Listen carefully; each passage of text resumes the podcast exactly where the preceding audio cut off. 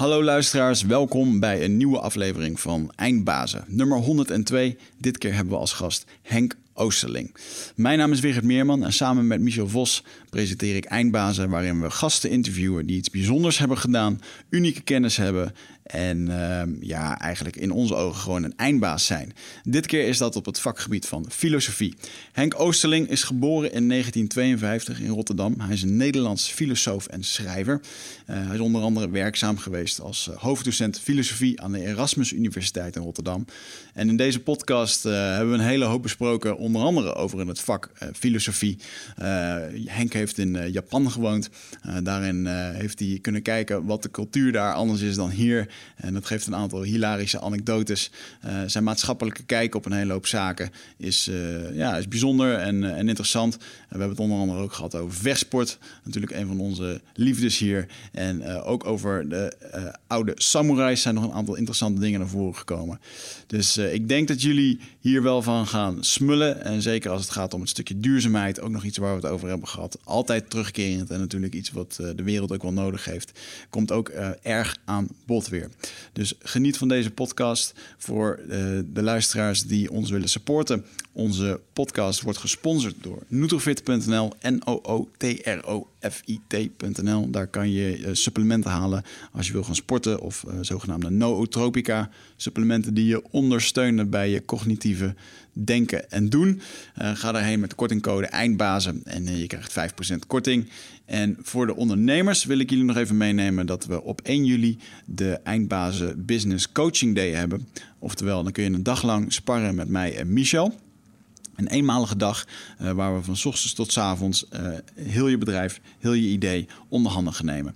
Uh, er is een zogenaamde Shark Tank waarin we gaan kijken wat jouw idee uh, nou, nog mist of waar de kansen liggen, hoe goed dat je erover na hebt gedacht. Uh, we hebben ook nog een hot seat. Daarin gaan we kijken wat de komende zes weken voor jou heel erg belangrijk gaat worden om je focus op te houden. Want focus, daar draait het allemaal om in het ondernemen. En daarbij zullen Michel en ik een inspiratiesessie geven um, omtrent het ondernemen, over hoe je je bedrijf kan groeien. Dat doen we met maximaal 10 ondernemers hier in de Eindbazenstudio. Je kan erbij zijn, dus ga eventjes naar onze website eindbazen.nl. Dan kan je bovenin de link vinden of ga naar eindbazen.nl. Um, slash business streepje coaching streepje D. Jongens, ontzettend veel plezier met Henk Oosterling en geniet van deze podcast. Eindbazen wordt gesponsord door Nutrofit. De webshop voor natuurlijke voedingssupplementen en trainingsmaterialen die je helpen bij het verkrijgen van Total Human Optimization. Nutrofit is hofleverancier van merken zoals Onnit, Natural Stacks en Bulletproof Coffee. Probeer onze producten zonder risico door onze money back guarantee. Bezoek ons op www.nutrifit.nl. Bestel je voor 9 uur s avonds, dan zorgen wij dat jouw bestelling de volgende dag geleverd wordt.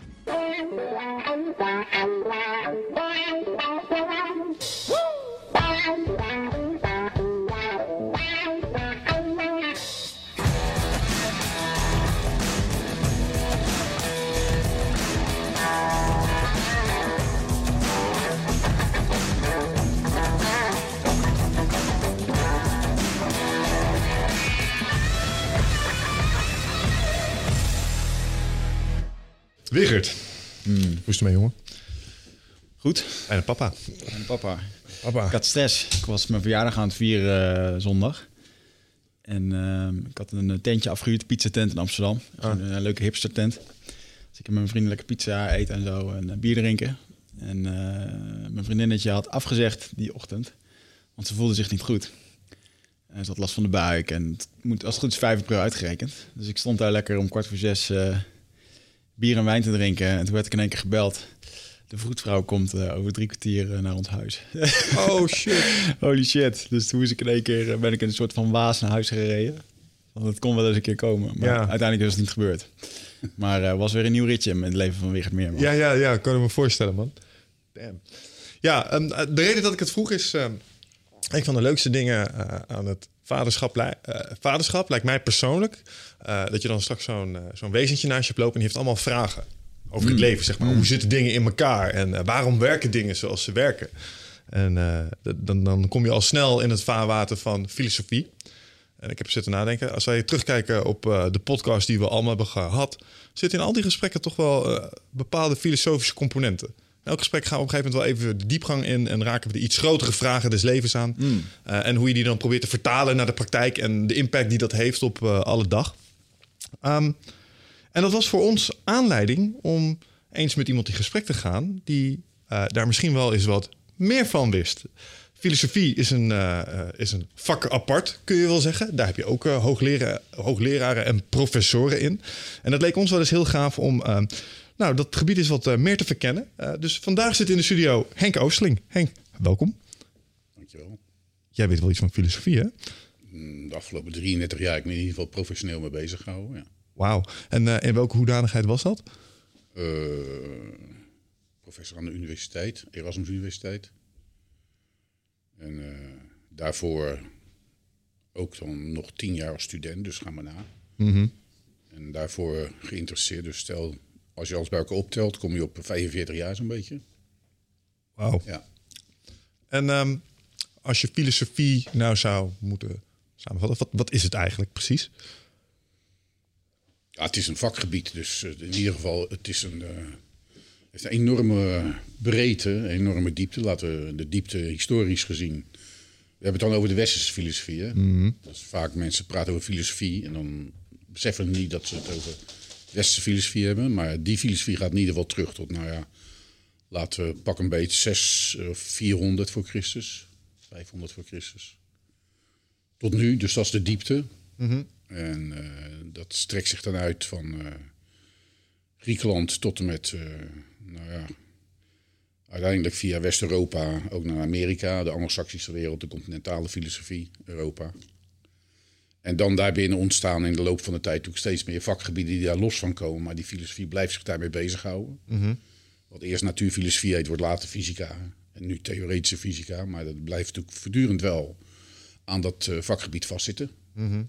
En de vragen die daarin opgeroepen worden, worden daarin ook meegenomen. Dus als je al die vragen optelt, is dat wel een immens eh, zeg maar, eh, archief van vragen... wat er ontwikkeld is in de loop van de afgelopen 2500 jaar. Is dat wat filosofie is? Vragen stellen? Mm, ik denk dat het begint bij vragen stellen, ja. Dat denk ik wel. Niet bij posities innemen of, of zeg maar, argumenten bij voorbaat zeg maar, concluderen tot bepaalde zaken. Het is de vraag waar je uiteindelijk eh, begint, ja. Ja.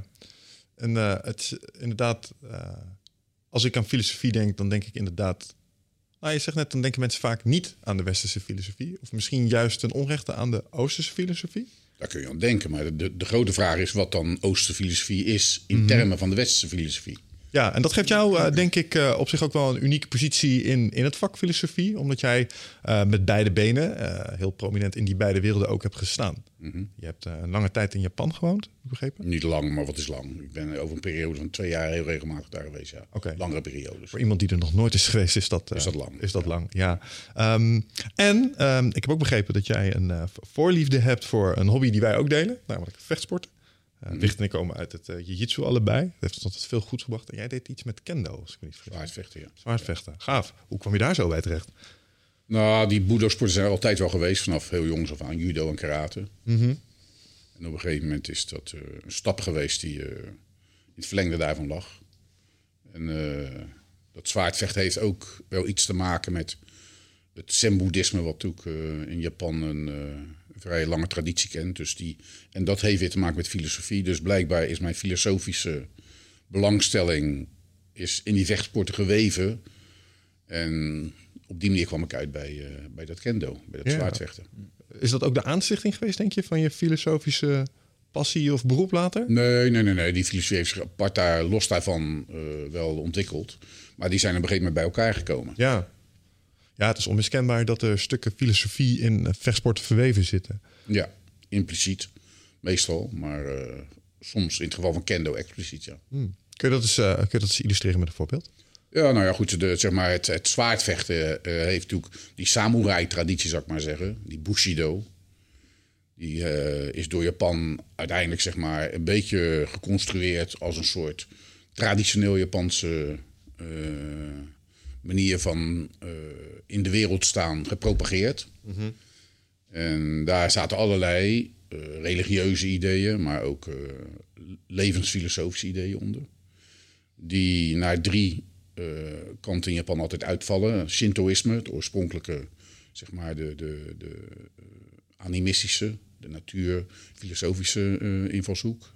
Het Confucianistische, meer de, de regeringsapparaat, het, eh, waar eh, de bureaucratie een belangrijke rol eh, in speelt. Maar daarnaast een soort nogal stevige boeddhistische poot, het zen-boeddhisme. Ja. Waar die doodsverachting en het trainen en zeg maar jezelf harden in bepaalde manieren van, van lijden te ondergaan in boeddhistische zin. dat, dat is verdweven in dat kendo, dat zwaardvechten, in die samurai-traditie. Dus al die, die drie zeg maar, basisfilosofieën die hebben ze daar samengevoegd. Vooral Ja. Ja. En zijn je nou doodsverwachting of doodsverachting? Nou, doodsverwachting hebben we allemaal ja, natuurlijk. toch? Ja. Maar doodsverwachting, dat is een stuk moeilijker dan doodsverwachting. ja. Ja, maar die doodsverachting is, heeft natuurlijk te maken met het feit dat je... eh, het is haast, haast te romantisch om dat op zo'n simpele manier te zeggen... maar dat je in staat bent om te vechten... zonder dat je anticipeert op het feit dat jouw kop eraf gehakt wordt. Nou, ik moet zeggen dat ik. ehm, dat is echt een van de componenten van samurai cultuur. Als je het nou hebt over eh, harakiri en seppuku, zeg maar. Het, het, het, het vermogen om die dingen te doen. De- de- voor de mensen die dat niet weten, het traditionele zelfmoord. Als, eh, bijvoorbeeld als gevolg van gezichtsverlies of wat. Rituele zelfmoord, ja. Ja. Ehm, dus dat je verwacht wordt om, omdat je gezichtsverlies hebt geleden of je hebt echt gefaald. wa- Was het heel eervol als je dan een klein mes recht in je maag stok en dan een soort beweging maakte waarmee je jezelf je maag zeg maar naar buiten liet komen. Want dat, dat deed goed veel zeer. Holy shit, hoe dapper of hoe geconditioneerd, laten we nog even in het midden welke van die twee kampen je dan in hoort, moet je zijn om dat te kunnen doen. Ja, nou ja, hoe, hoe, hoe dwingend is een systeem om jou dat te laten doen? Dat kun je ook al vragen natuurlijk. Ja, denk je dat dat het is? Nou, ik denk dat in veel gevallen dat zeker het geval is. Kijk, Japan, het is niet zo dat in Japan meer zelfmoorden... of proportioneel meer zelfmoorden plaatsvinden dan in andere landen. Eh, bijvoorbeeld in, in Estland of Letland en Rusland... Oké. komen er veel meer zelfmoorden mm, voor. Dus dat is niet het punt. Het punt is dat de zelfmoorden die daar gepleegd worden... dat, dat, dat, dit, dat er een enorm spectrum is van vormen van zelfmoord. Dat elke vorm in een, een specifieke context heeft. Dus dat betekent dat een zelfmoord altijd op een context geënt is. En dat wil zeggen dat die context dwingend is voor de manier waarop je het doet. Ja.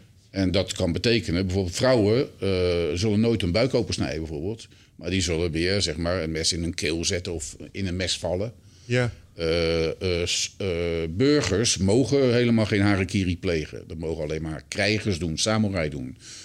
Op het moment dat jij zeg maar een bepaald soort eh, schaamte over je heen eh, gekregen hebt, omdat je eh, voor een andere warlord, daimyo, gevochten hebt, waardoor je je eigen daimyo misschien een discrediet hebt gebracht, mag je bijvoorbeeld op een bepaalde manier niet en op een andere manier wel zelfmoord plegen. Dus dat zijn allemaal, dus die zelfmoorden werden altijd toegestaan door de regering.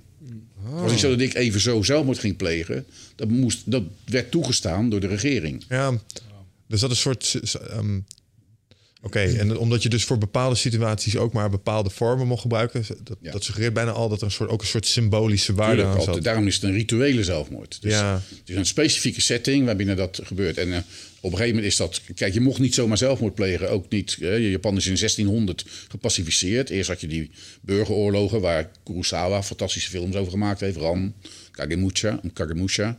En dan wordt het gepacificeerd. En dan komt, die, eh, eh, eh, komt zeg maar, het hele land onder een bepaald beheer... waardoor allerlei dingen, dat soort Confucianisme... gereguleerd worden. Ja. Nou, en daarbinnen mocht je geen harakiri plegen, dan alleen als je daar toestemming voor kreeg. En dat mochten alleen samurai doen. En nadat Japan in de midden van de 19e eeuw opengebroken werd en zich zeg maar openstelde voor de wereld, was het helemaal verboden. Niettemin gebeurt het voortdurend. hè. En de laatste rituele zelfmoord die het meeste opzien heeft gebaard is in 1970 geweest. Toen de schrijver Yukio Mishima zich in het eh, zeg maar openbaar eh, zich eh, suicideerde, dus seppuku pleegde. Waarna ook nog zijn hoofd een keertje afgehakt werd. We hebben het over 1970. Eh, dat is natuurlijk een heel merkwaardig iets. Ja. Ja, Maar dat was wel verboden. Dat is niet zo dat het mocht. Nu worden nog steeds heel veel zelfmoorden gepleegd. Zeker op het moment eh, in tijden van crisis dat eh, mannen niet meer voor hun gezin kunnen zorgen. En dus heel veel eh, schaamte daardoor over hun eh, familie brengen. Zullen ze ook zelfmoord plegen. En daar zijn verschillende vormen voor. Maar er is bijvoorbeeld een zelfmoordbos waar ze naartoe gaan. En dan kunnen ze zich verhangen. Ik bedoel, de, aan de voet van de Mount Fuji. Dus het zijn allemaal, ook daar zit nog een rituele context in. Er was een documentaire over gezien inderdaad. Dat, eh, Ja. Van Vice die is daar geweest. Er is laatst nog een hele hetze geweest op het internet, omdat een van die streamers die was daar ook en die Ja, heeft een daar YouTuber, grappen lopen maken met zo'n eh, lijk op de achtergrond. Oh ja. Dat viel niet zo goed. Maar die met Vice die zitten echt gewoon daar te wachten aan de rand van het bos. En dan lopen gewoon mensen met een tentje in. En eh, er zijn ook mensen die daar speciaal voor aangenomen zijn om dan die tentjes te doorzoeken wat er gebeurt. En Ja. eh, het is bizar joh. Ja, Maar wat je zegt over die schaamte, dat is wel echt een, eh, echt wel een dingetje. Ik heb die wel vaker in de podcast eens een keertje over gehad. Dat ik een meisje heb leren kennen in Brazilië. Die was toen aan het studeren in Amerika. Ik had haar in een hostel leren kennen. Eh, die studeerde daar gewoon in de universiteit. En toen vroeg ik veel, wat ga je daarna doen? Ja, ik ga terug naar Japan. Oké, wat ga je dan Dat doen? was dus, denk ik, een vierde generatie Japanse. Want er zijn heel veel Japanners naar Brazilië gegaan. Mijn, eh, ja, gewoon, nou, ze, ik, ik weet niet, haar ouders wonen wel gewoon in, in, eh, in Japan. Welgestelde ouders. Oké. Ze was echt aan het studeren in San Diego en was nu in Brazilië op reis. En toen vroeg ik, wat ga je doen? Want je hebt straks je diploma. Toen zei ze, ja, ik ga terug naar, ehm, naar Japan. En ja, dan is het waarschijnlijk zo dat ik eh, word uitgehuwelijkd aan eh, de man die de fabriek van mijn vader over gaat Ja. nemen. Ja. En dan word ik gewoon huisvrouw. En ik zeg, holy shit, maar je hebt echt wel gewoon in die... eh, Je hebt gewoon op een high school, op een, op een university gezeten in San Diego. Je hebt alles gedaan wat, wat je in de film ziet, bij wijze van spreken. En dan moet je terug naar, naar die wereld die helemaal vol met die eer is. En inderdaad met de reden, joh, als ik het niet doe, dan word ik gewoon niet meer geaccepteerd door mijn familie. Ja. En dan ben je gewoon 26 jaar dan moet je die keus maken. Ik vond het wel wat. Ja. Nu is het wel zo dat op dit moment zeg maar, in Japan eh, eh, de vrouwen een veel zelfstandige positie hebben. Je ziet ook dat steeds, minder vrouwen trouwen. Eh, seks is ook eh not done. Dat is ook bizar, hè? Ja. en dus kinderen komen er ook nauwelijks. Dat betekent dat de hele workforce in Japan zeg maar, steeds minder wordt. Dus ze moeten nu uit het buitenland moeten ze arbeidskrachten binnen gaan halen om zeg maar, het, het werkbestand op peil te houden. En Maar- daar zijn Brazilianen, dus bijvoorbeeld derde generatie, vierde gen- generatie eh, Brazilianen die uit Japan kwamen. Die, dat zijn mensen die daarvoor uiteindelijk weer eh, aangenomen gaan mogen worden. Wa- Waarom is het, ehm, het seksuele stuk in Japan dat is best wel extreem? Want daar zitten de, de grote zakenmannen van de miljoen, miljoenenbedrijven... die zitten daar met seksuele manga-strips op de achterbank of in de trein zitten ze dat te lezen. Eh, dat wordt allemaal heel erg geaccepteerd. Maar vervolgens relaties met elkaar aangaan en zo... dat doet men volgens mij liever online en via allerlei rare omwegen. Je, hebt daar gewoon, je kunt daar in plaats van dat je naar een prostituee gaat... huur een meisje waarmee je samen een film kan huren... Eh Vice Media doet er heel erg veel mee. Ja, Ik vind het een bizarre wereld. Ja, maar de, kijk, de seksualiteit in Japan heeft een heel specifieke, eh, eh, hele specifieke rol, een heel specifieke positie. Het is niet zo als bij ons dat een huwelijk daar om moet draaien. Het gaat om, het gaat om de overdracht van het bezit. Een manier. En, en de sta- status van de familie. Dus dat is het eerste. Daarnaast hebben Japanners eigenlijk een hele vrije, open eh, eh, verhouding tot seksualiteit. Maar die is wel eh, lichtelijk geproblematiseerd in de, in de laatste jaren. Die manga-strips bijvoorbeeld. manga betekent verboden plaatje. Eh, die, die, die ze in de trein lezen. Vroeger werd het overal gedaan, maar nu is het zo dat je bij de trein gooien. Als je uit de trein komt, kun je hem weggooien in een speciale box. Dat je niet met dat ding verder eh, zeg maar de straat hoeft te gaan. Ah, oké. Eh, bijvoorbeeld alle genitaliën in, eh, in de Japanse porno worden allemaal gestript. Die worden allemaal weggecensureerd. Hmm. Als jij naar een pornofilm kijkt in Japan, dan zie je geen genitaliën. Hmm. zeer frustrerende porno is dat. Ja, dat is voor sommige mensen heel vervelende porno. Ja. Ja. Ja. Ja. Maar goed, dus er is een heel, dat is een hele dubbele verhouding. Je kunt ook zeg maar, in Japan naar een theater gaan zitten... en een vrouw met de benen wijd en dan loop je langs. En dan kijk je st- streed in de schaamstreek, zou ik maar zeggen. En dat, is, dat vinden ze leuk. Dat, ja, ik bedoel, dat, moet je, dat is voor een andere cultuur ondenkbaar. Maar ze hebben dus een hele, eigenlijk een hele open verhouding. Let wel, ze gingen altijd baden. was altijd gemengd, totdat de Westerlingen de hele boel opentrokken. En ook de Westelingen daar kwamen. En door die christelijke moraal hebben ze toen die baden gescheiden. Vrouwen apart en mannen apart. Dus je ziet dus dat er, dat er een... Voor hun is seksualiteit iets van een totaal andere orde. En niet zoals bij ons. Eh, Dus ware liefdes. En eh, dat zijn dingen die daar niet spelen. Maar het is wel zo dat de generaties na de Tweede Wereldoorlog, na de 70 jaren, wel degelijk natuurlijk zichzelf daarvoor opengesteld hebben. Met als gevolg dat die langzaam, ja, vervreemden van die cultuur. Er is een hele schizofrenie in die cultuur. En wat natuurlijk het succes verklaart van IT, van, eh, van digitaliteit, is natuurlijk dat ze op dat moment met elkaar kunnen communiceren. Zonder in een concrete fysieke situatie terecht te komen. Want elke fysieke situatie in Japan is gebonden aan regels. Moet je op een bepaalde manier gedragen, op Ja. tijd buigen, op tijd omhoog komen. De toonhoogte van vrouwen is, is hoger dan van mannen. Eh, het woordgebruik is anders dan bij mannen. Dus dat, dat moet je allemaal doen als je elkaar ontmoet.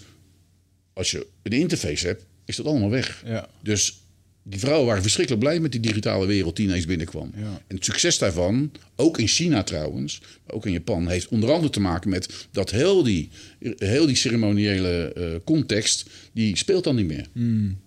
Interessant. Je, je hebt het net over ehm, voor echte liefde. Ik, ik weet niet of ik het goed zeg, maar voor liefde lijkt weinig ruimte.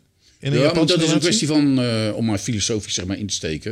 Het is een kwestie van wat voor concept je eh, van liefde en van seksualiteit je hebt. Ja, nou, de reden dat ik het vraag is omdat je kunt denk ik een boel eh, leren over de cultuur van een land als je kijkt naar haar historische verhalen. We hadden het straks al even voor de podcast over standaard heldenverhalen en, ik, en zo. En ik heb wel eens ehm, Miyamoto Musashi met zijn filosofie over krijgskunst. En dat is een ook, hè, dat zou je kunnen zien als een Japanse held.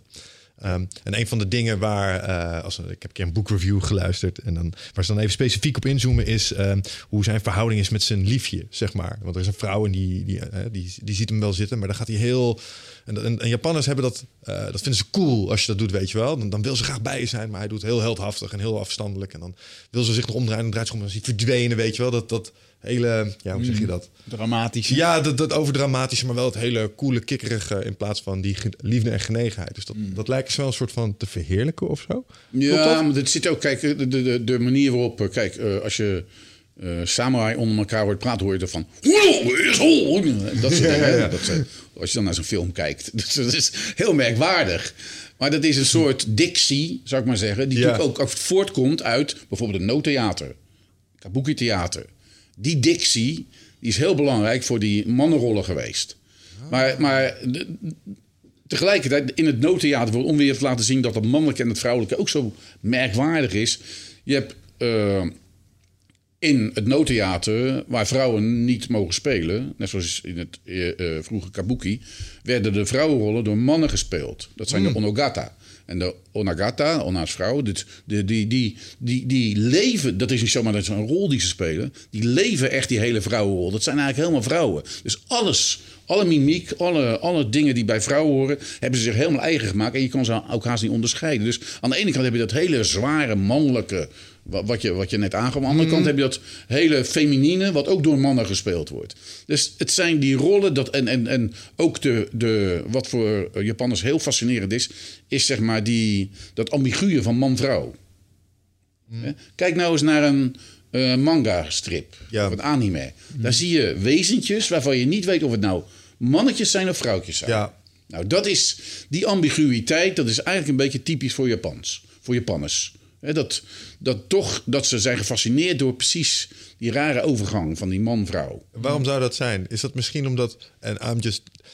Klopt de aanname dat de gemiddelde eh, Japanse man minder lichaamshaar heeft als de westerse man? Denk het wel, hè? Ja, dat klopt wel, denk ik. Ja. Is het niet misschien omdat als je een, een Japanse en een... eh, als, je het, als je het haar eraf zou halen en je zet ze naast elkaar... lijkt het misschien meer op elkaar als een westerse... Nee, Nee, niet, zoiets? Nee, nee. Het is wel een leuke these.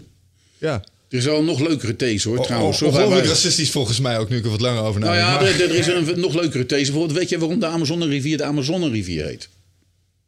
Hier zou jij iets van moeten weten. Waarom de? Amazonerivier de Amazonerivier heet. Ja, dat is een goeie. Geen Ja. idee. Daar heeft nog nooit iemand over nagedacht. Noemen ze het gewoon Amazonerivier. Maar waarom heet de Amazonerivier de Amazonerivier?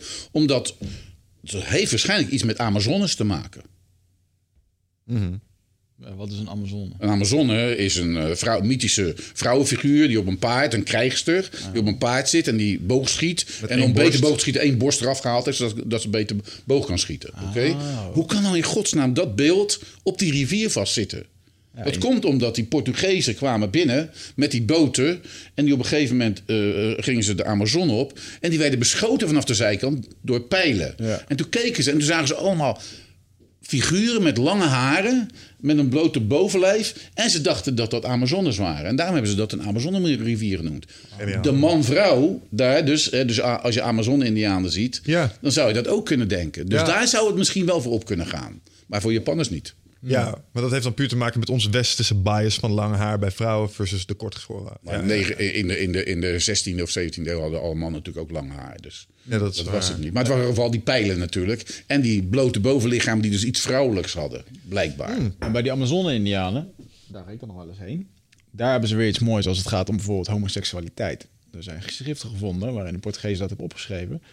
Dat ehm, homoseksualiteit, zowel bij vrouwen als bij mannen, niet, door, niet zo bestempeld werd zoals het bij ons was. Daar is het een overgang van de ziel van man naar vrouw. En iemand zit in een transitie. Ja. En dat heeft dan ook weer eh, een bepaalde ja, mm, statuswaarde. Oké. Dat werd heel erg gerespecteerd. Hoe, hoe gaat dat eh, in Japan? Ja, dat eh, verwacht ik al, die vraag. Maar dat is... eh, maar inderdaad, in Japan is zeg maar eh, homoseksualiteit natuurlijk niet van een totaal andere orde dan bij ons. Hè? Dus ik had het net over Yukio Mishima. Eh, daar gaat ook zeg maar het verhaal, en dat is ook wel, waarschijnlijk is het ook wel zo, dat hij ook een verhouding had met eh, die mannen met wie hij zo omringd had in dat leger wat hij opgericht heeft. Dat hij ook een homoseksuele relatie daarmee had, terwijl hij ook getrouwd was. En de vrouw met wie hij trouwde hoefde maar aan twee dingen te voldoen. Eh, toen hij met haar trouwde, één, ze moest kleiner zijn dan hij. Hij was een heel klein mannetje. En twee, ze, ze moest absoluut niet ze- zich met zijn leven bemoeien. Dan weet je Ja? al genoeg, ja. Dat is interessant. Ze was een hag. Ja, Ja, dus- echt een etalagepot. Oké, maar eh, dus de, de, de, eh, eh, zeg maar de verhouding tussen mannen op het strijdveld heeft, had ook heel veel te maken met zeg maar, die, die man-man verhouding die wij homoseksueel zouden noemen. De vraag is maar of dat zo is. Kijk, als je, ik ben op dit moment bezig met een vertaling eh, van eh, eh, boeken van Michel Foucault, een, een eh, Franse filosoof die heel veel over seksualiteit geschreven heeft. Eh, dat is de geschiedenis van de seksualiteit, die wordt op- opnieuw vertaald. En eh, die komt het najaar uit. En eh, daarin laat Foucault zien dat in de loop van de westerse geschiedenis... dat hele idee van homoseksualiteit in periodes voor de jaartelling... in de christelijke periode, maar ook weer in de 18e eeuw en in de 19e eeuw... altijd totaal andere concepten heeft Ja. gegenereerd. Waardoor dus wat vroeger een sodomiet heette... pas in de 19e eeuw als homoseksualiteit wordt neergezet. Ja? Dus ook in het Westen is er ook niet zomaar zoiets, als, zoiets vanzelfsprekends als homoseksualiteit. Er zijn altijd relaties tussen mannen geweest. Ja. De grote vraag is, wat, hoe waardeer je en hoe conceptualiseer je die relaties? En wat voor waarde krijgen die in een bepaalde samenleving? Ik geloof dat in zowel de Griekse maatschappij als in de eh, Romeinse maatschappij waren er ook vaak eh, mentorschap. Ja. eh, van eh, van eh, jonge knapen die dan hè, de, de- Ja. het schandknaap-idee. eh, dat waren ook homoseksuele relaties. Samurai schijnen soortgelijke constructies erop na hebben Ja. gehouden, eh, gehouden met elkaar. En filosofen in Griekenland. Juist, en ik heb, heb begrepen dat ehm, Nero was het volgens mij. eh, want in Rome was bijvoorbeeld je verkleden als vrouw, als man zijnde. Ja. Dat was niet vreemd om te doen. En ik geloof Nee. dat hij dat ook openlijk deed zo af en toe. Ja, dus de hij- keizer die... Hij de- trouwde ook met zijn paard. Oh nee, dat was Caligula volgens mij. Die trouwde met zijn paard. Eh, Stel je voor als nu Wim Lex zeg maar, naar het volgende zeg maar, défilé gaat in een jurk. Ja. Daar zouden we iets van vinden met z'n allen. Ah, het zou in Nederland nog wel kunnen In. Nederland, in, in Nederland kan het nog wel. Ik bedoel, de hele... Ja, maar we gaan het er op zijn minst over hebben met In elkaar. Amerika de hele drag queen, eh, zeg maar, eh, cultuur. Het schetst wel een hilarisch plaatje trouwens.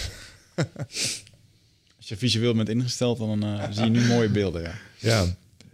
Nee, maar de, de- dus inderdaad, ik denk dat... eh, eh, dat eh, ja, waarom is er eigenlijk zo'n taboe op komen te liggen in de loop der tijd? Want ik denk dat dat taboe minder is geweest vroeger. Als dat het nu is. Ja, nou ja, taboe is niet minder geweest. Sodomie was ook een behoorlijke straf. Een doodstraf, een behoorlijke eh, straf stond daarop. Waarom eigenlijk, doodstraf. Nou ja, dat is nogal simpel in een christelijke samenleving, lijkt mij. Ja, oké. Eh, Het geslachtsorgaan is maar voor één ding bestemd. En dat is namelijk nieuwe zieltjes kweken... die vervolgens in de hemel opgenomen kunnen worden. Ja. Dat is heel simpel. en homoseksualiteit mannen kunnen dat echt niet. Dus dat is heel simpel. Dat we vervolgens het celibaat ingesteld hebben...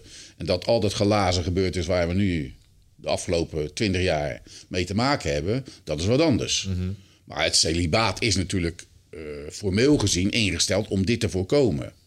Ja. Dat het het tegelijkertijd gestimuleerd heeft, dat eh, was een eh, bijkomend effect wat sommigen al van tevoren gezien hebben. Maar de christelijke cultuur is daar natuurlijk wel eh, bepalend in geweest. In het veroordelen van relaties tussen mannen. Het seksuele relaties tussen mannen. Ja. ja. En ehm, als je dan kijkt naar, naar, naar filosofie en seksualiteit, is misschien wel een interessante mm. zijtak. Want ik denk dat seksualiteit onder de motorkap in ieder geval zo ongelooflijk bepalend is voor onze gedragingen. Dat hebben we denk ik niet altijd in de gaten. Hoe kijken filosofen daarna? Ja, maar zelfs dat, dat zal wel zo zijn op dit moment. Maar dat is ook nog maar de vraag of een cultuur dat als zodanig interpreteert. Ja, namelijk, dus in de, in de, in de, in de Griekse uh, tijd, dus hebben we het over 300 voor Christus. Hè? Mm Plato, Aristoteles, Socrates. Gefingeerde figuur of echte figuur weten we nog steeds niet echt. Maar hij treedt in ieder geval op in de dialogen van Plato. Die had allemaal relaties met jonge mannen. Mm. Ja? En die relaties waren ervoor om die jonge mannen in te wijden in het heersen. Ja, dat ze later een politieke rol konden spelen. Ja? En die inwijding die had heel strikte normen. Bijvoorbeeld, we hebben het wel eens over een jongen die de baard in zijn keel heeft. Mhm. ja? Op het moment dat de jongen een baard in zijn keel heeft, krijgt, wordt hij een man. Dat betekent dat je een relatie met een jongen mag hebben totdat hij de baard in zijn keel krijgt. Want op het moment dat hij een man is, mag hij geen passieve rol aannemen. Dus dat is de knapenliefde waar we over praten. Mm. Ja, want dat is wel een, iets wat me altijd is opgevallen ook.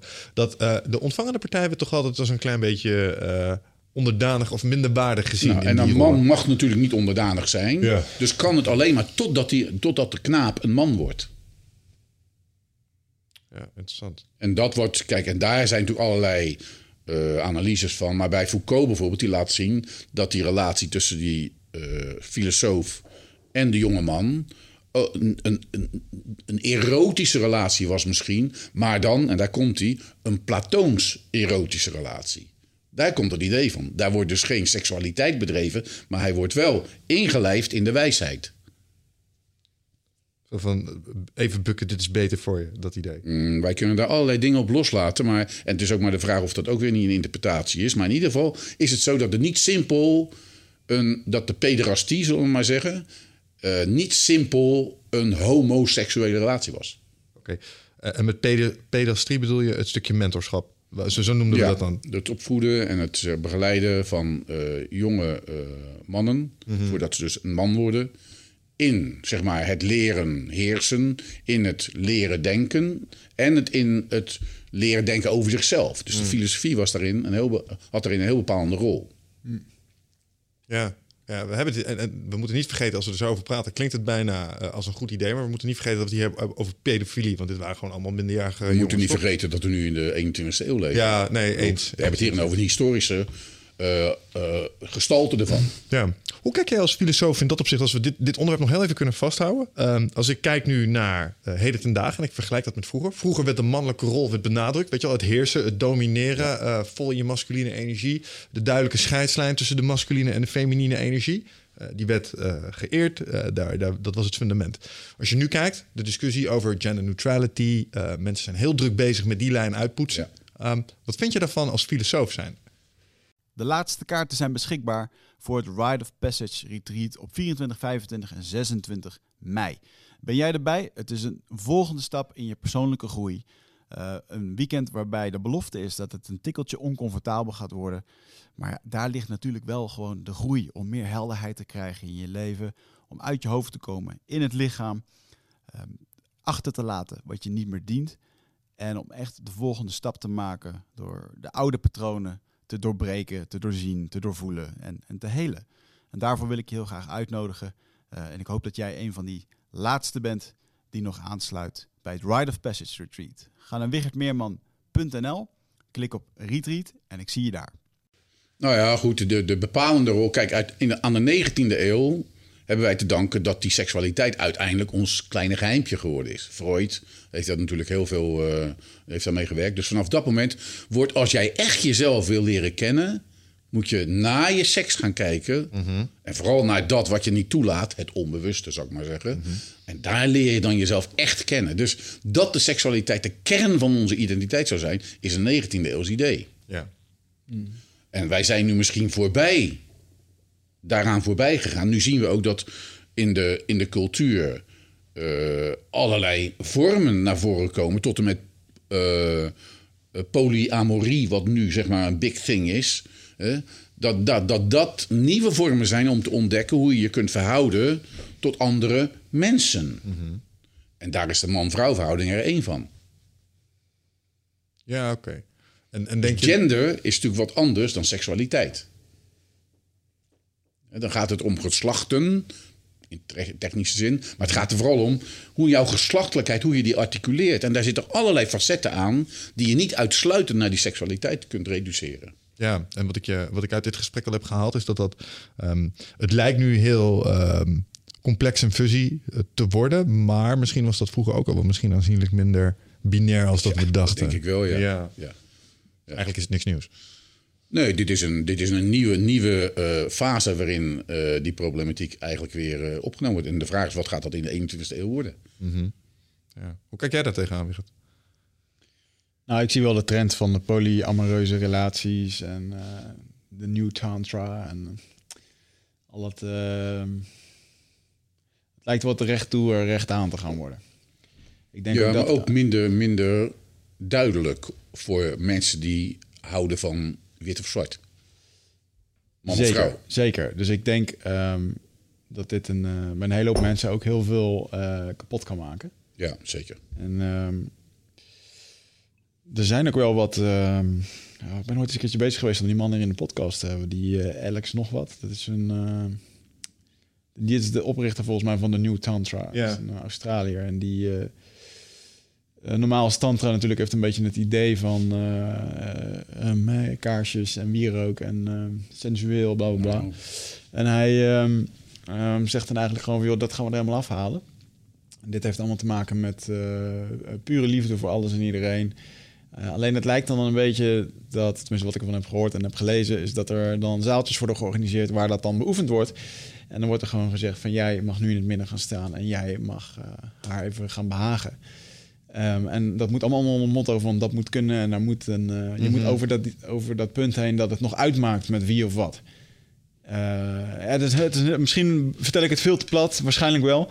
Eh, maar de, de conclusie daarvan is dat mensen echt wel gewoon met een, met een ja, kunnen, kunnen daar onder groepsdruk echt wel gewoon gestoord uitkomen. Ja. maar het is sowieso altijd de vraag hoe je esoterische Oosterse praktijken, waar de Tantra er een van is, waarin China de Maituna een andere ervan is, Aha. dat die praktijk zomaar eventjes in de westerse cultuur plof neergezet kan worden en herhaald kan worden. Dat, kan, dat is natuurlijk een absurde gedachte. Maar dan is het een, een soort van, eh, dan wordt het een beetje gegoten onder het mondkapje van spiritualiteit.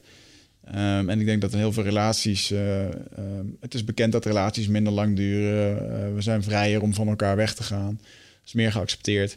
Dus er wordt ook meer, er wordt ook meer uitgeprobeerd om hoe kunnen we dan wel lang bij elkaar blijven. Wat zijn er dan de, de, de oplossingen in? En ik denk eh, dat in dit speelveld dat heel veel mensen op dit moment aan het proberen, proberen zijn.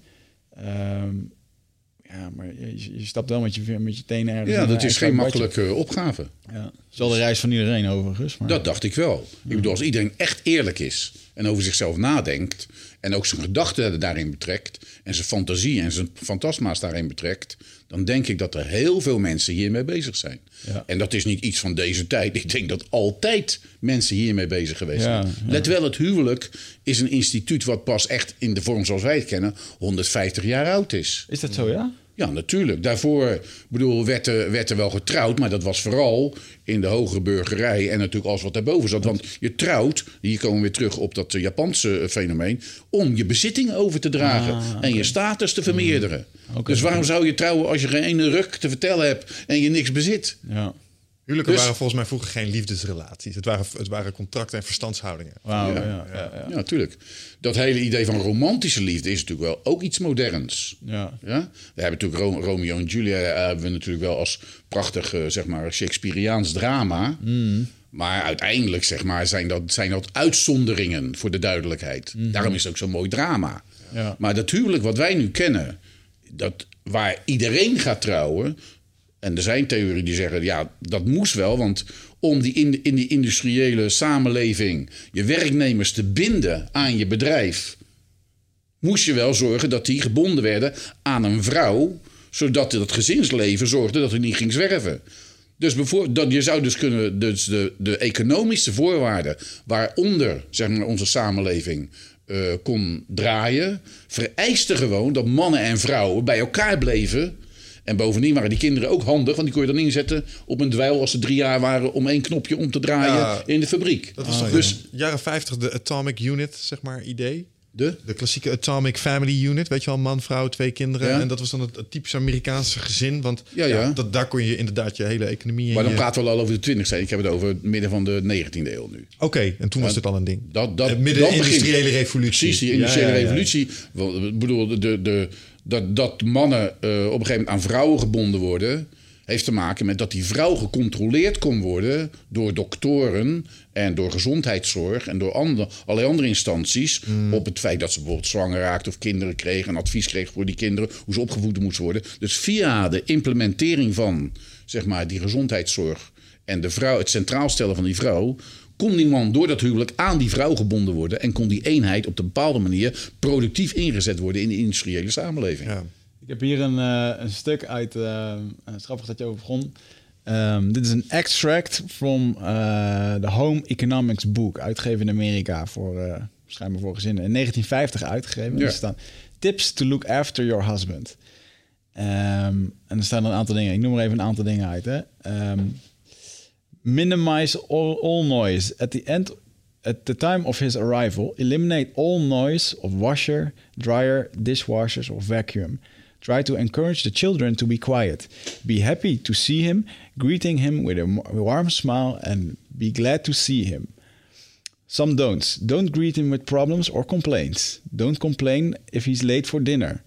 Count this as minor compared with what he might have gone through the day.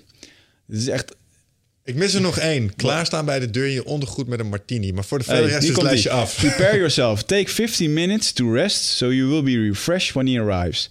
Touch up your makeup. Put a ribbon in your hair and be fresh looking.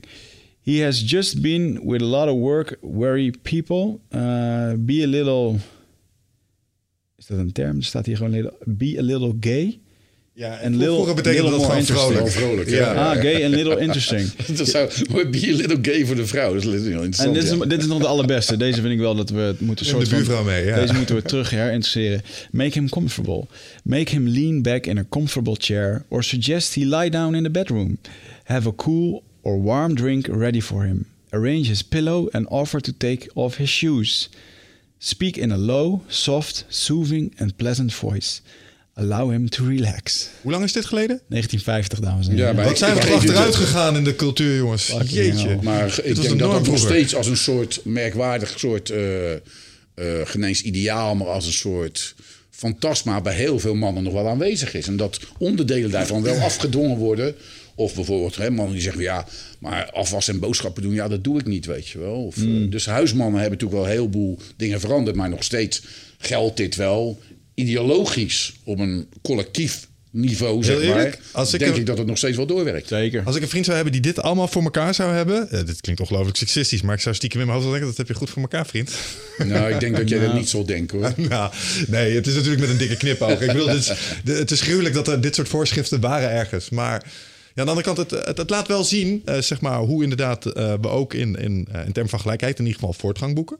Ehm, maar het, het brengt me nog wel even terug inderdaad... bij het vervagen tussen, tussen de geslachten. Is iets in. En waar ik nog even naartoe wilde... want je begon over polyamorie, van hoe kijk je er tegenaan? We hadden het net over gender en seksualiteit. Dat vind ik interessant. En een laatste trend die mij aan het denken zette... er is tegenwoordig dus een hele lichting mensen die vindt... dat als jij een heteroseksueel bent... en jij wil niet daten met iemand die transgender is omdat bijvoorbeeld een man is geweest die een vrouw is geworden. En je zegt nee, dat doe ik niet, want dat vind ik, eh, dat, klopt biologisch niet. Dan ben je tegenwoordig homofoob. Nou, dat vind En, toen dacht ik, ja, hou eens eventjes, maar ik weet niet wat ik daarvan vind. Eh, want ik vind dat als je eerst een man bent geweest en je bent daarna een vrouw geworden, dan val je bij mij nog niet helemaal in het categorie vrouwtje. Of in ieder geval niet in de categorie die ik mee laat doen in het seksuele selectieproces voor mezelf persoonlijk. Maar dan ben ik dus blijkbaar plots een homofoob geworden. En dat vind ik een interessante ontwikkeling. En ik was even benieuwd, hoe kijk jij daar tegenaan? Nou, ik vind het, want uiteindelijk heeft het, je, je raakt, het, het bijzondere is dat als iemand langskomt, loopt, je loopt door de winkelstraat. En eh, eh, of je nou een relatie hebt of niet, of dat je gelukkig bent of niet, er kan in één keer iemand langs je lopen die alleen al een bepaalde geur heeft, waarvan jij denkt, oh, die ruikt lekker. En Ja, ziet ja, er ook nog een keertje mooi uit. En dan in één keer kan je gewoon, kan je gewoon even dat voelen van, wow, dit is een aantrekkelijk iemand, weet je wel? En dat, heeft gewoon, joh, dat is zo minuscuul met pheromonen en dingen. En ik denk serieus dat ehm, je mag toch helemaal zelf daarin bepalen waar je dan tot aangetrokken bent of niet. Wat jij nu beschrijft zou voor mij ook niet een... ehm, werkbaar snakken. Nee, de, nou, laat ik zo zeggen, het zit niet in mijn... eh, als ik er nu naar voel, zit het niet in mijn systeem dat ik dan denk, dat is het. Maar is het ook zo dat jij bijvoorbeeld eh, een vrouw die eh, met kost eh, met siliconen een beetje opgepept is, dat is dan ook niet voor jou acceptabel? Of vind je daar toch dat er toch een verschil dan in zit? Dat is zeker acceptabel. Dat trucje werkt bijzonder goed. Ja, Dat drukt dus- wel op knop in zie mijn je hoofd. wel, want zie je, zie je de, de- dus het mag wel verbouwd worden, maar binnen de reguliere zeg maar gedachten en concepten, maar Ja. niet op een andere manier. Ja, en ik denk ook dat er... ehm nou, weet je Ja, wat het is? dit is toch anders? Want dit, Dat dit vraag ik me af. Ja, dat maar- ik, ik werp alleen de gedachte op dat de natuurlijkheid waar wij hier een beroep op doen, de Mhm. natuurlijkheid ook op andere manieren, zeg maar, eh, getransformeerd wordt door, door kunstmatige middelen. En daar vinden we het juist een benadrukking van dat wat we leuk vinden. Ja. En bij de andere is het een ontkenning. Oké, oké, billen bloot. Er zijn momenten geweest dat er verwarring is geweest. Ik zit in WhatsApp-groepjes. Een van de dingen die leuk is in de WhatsApp-groepjes waar je zit, dan wordt er een filmpje gestuurd. En dan denk je in eerste instantie, oh, dit is een aantrekkelijke vrouw. Dus je blijft kijken. En dan op een gegeven moment verschuift het beeld naar beneden. En dan blijkt, deze mevrouw is eh, anders uitgerust. Maar die, en, en ineens ben je in de war. Want hmm, totdat ik wist dat ze een penis had, was het acceptabel. Ja. En, en nu wist ik. En wat nou als er geen penis was geweest en nooit iemand had mij verteld Precies. dat hij er gezeten had? Dus dit was, het, was, het dan, was het dan gelukt? Hmm, misschien wel. Nou, ik je? weet zeker dat het gelukt was, maar dit is het gedachte-experiment wat je moet doen. Dit is het gedachte-experiment. Waar is de omslag, weet je wel? Want Ja. Dat is interessant. Ja. Ja, Dat is interessant.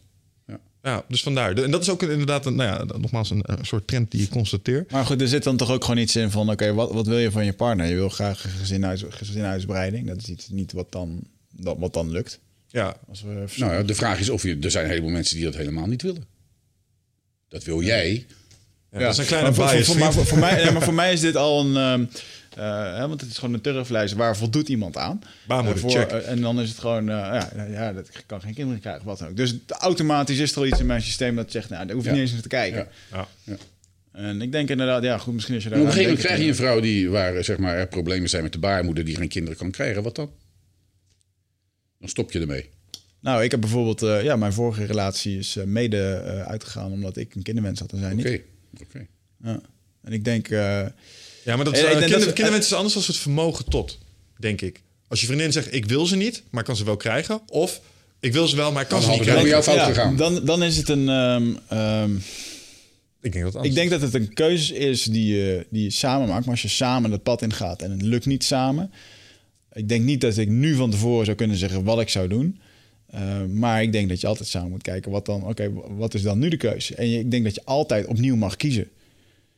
Denk ik ook. Kijk, dus op het moment als jij echt, als jij op een gegeven moment weet van oké, ik kan geen kinderen krijgen met deze vrouw en we hebben het geprobeerd en ik hou heel veel van haar, maar ik heb echt die wens om wat voor reden dan ook. En daardoor eh, is, is er iets in mij waardoor ik niet meer voluit van deze vrouw kan houden. Voor heel veel mensen zal dit nu dan cruw ki- eh, eh, klinken van oh, dat doe je dan toch niet. Je weet het niet totdat je in die positie zit.